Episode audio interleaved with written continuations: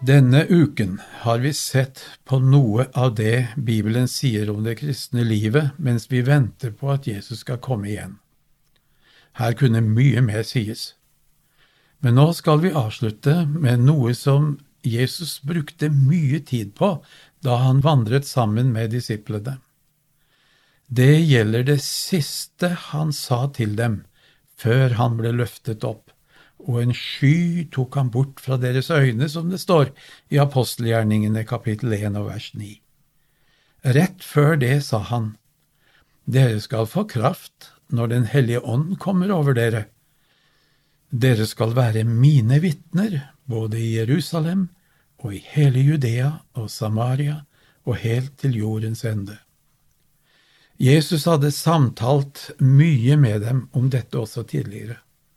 Han hadde jo gitt dem misjonsbefalingen og kalt dem til å gå ut i verden til alle folkeslag med et budskap om omvendelse og syndenes forlatelse.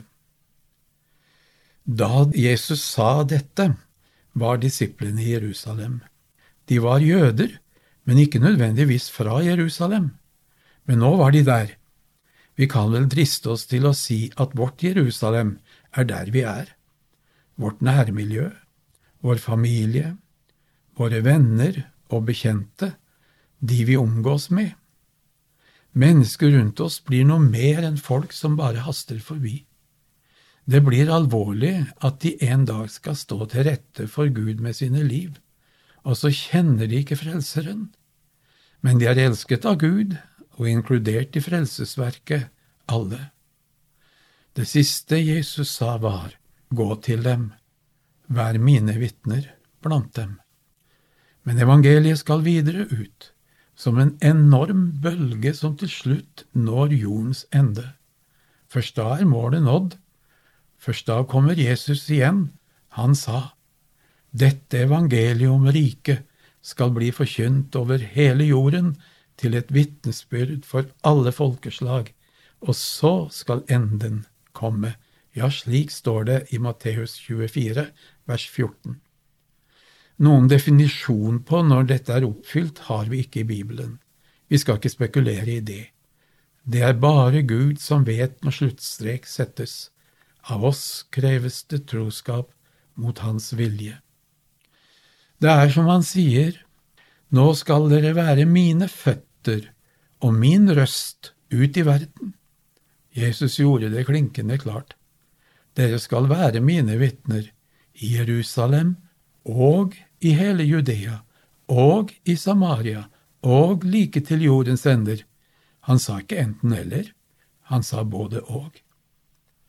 Å være ulydig mot dette oppdraget er å leve i likegyldighet og ringeakt mot Gud og det som Jesus gjorde.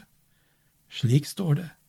For så høyt har Gud elsket verden, at han ga sin sønn den enbårne, for at hver den som tror på ham, ikke skal gå fortapt, men ha evig liv.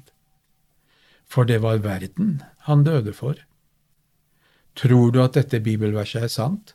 Står du i gjeld til en verden som lever uten Gud og uten håp, og som i mange tilfeller fremdeles ikke har hørt om Jesus på en slik måte at de har hatt en rimelig mulighet til å tro på ham? Men hva med de som bor der Jesu navn er ukjent?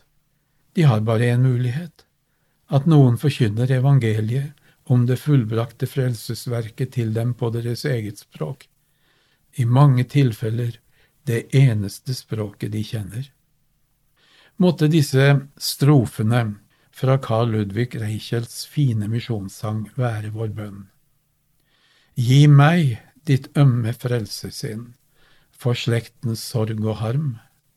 Lukk meg i dine smerter inn og gjør meg sterk og varm. Lær meg å skue med ditt blikk hvert folk som liv og grenser fikk, og bære verdens nød og skam med kjærlighetens offerbrann, til døden tro, tålmodig, sterk og fro. Ola Tulloan delte Guds ord med oss i dag i Over en åpen bibel. Serien produseres av Norea Mediemisjon. Vi tilbyr forbønn hver fredag formiddag. Ring oss på 38 14 50 20. 38 14 50 20 fra klokka 9 til 11.30 på formiddagen. Når som helst kan du sende oss en e-post. Bruk adressen postalfakrøllnorea.no, eller en melding på vår Facebook-konto. Søk opp Norea Mediemisjon.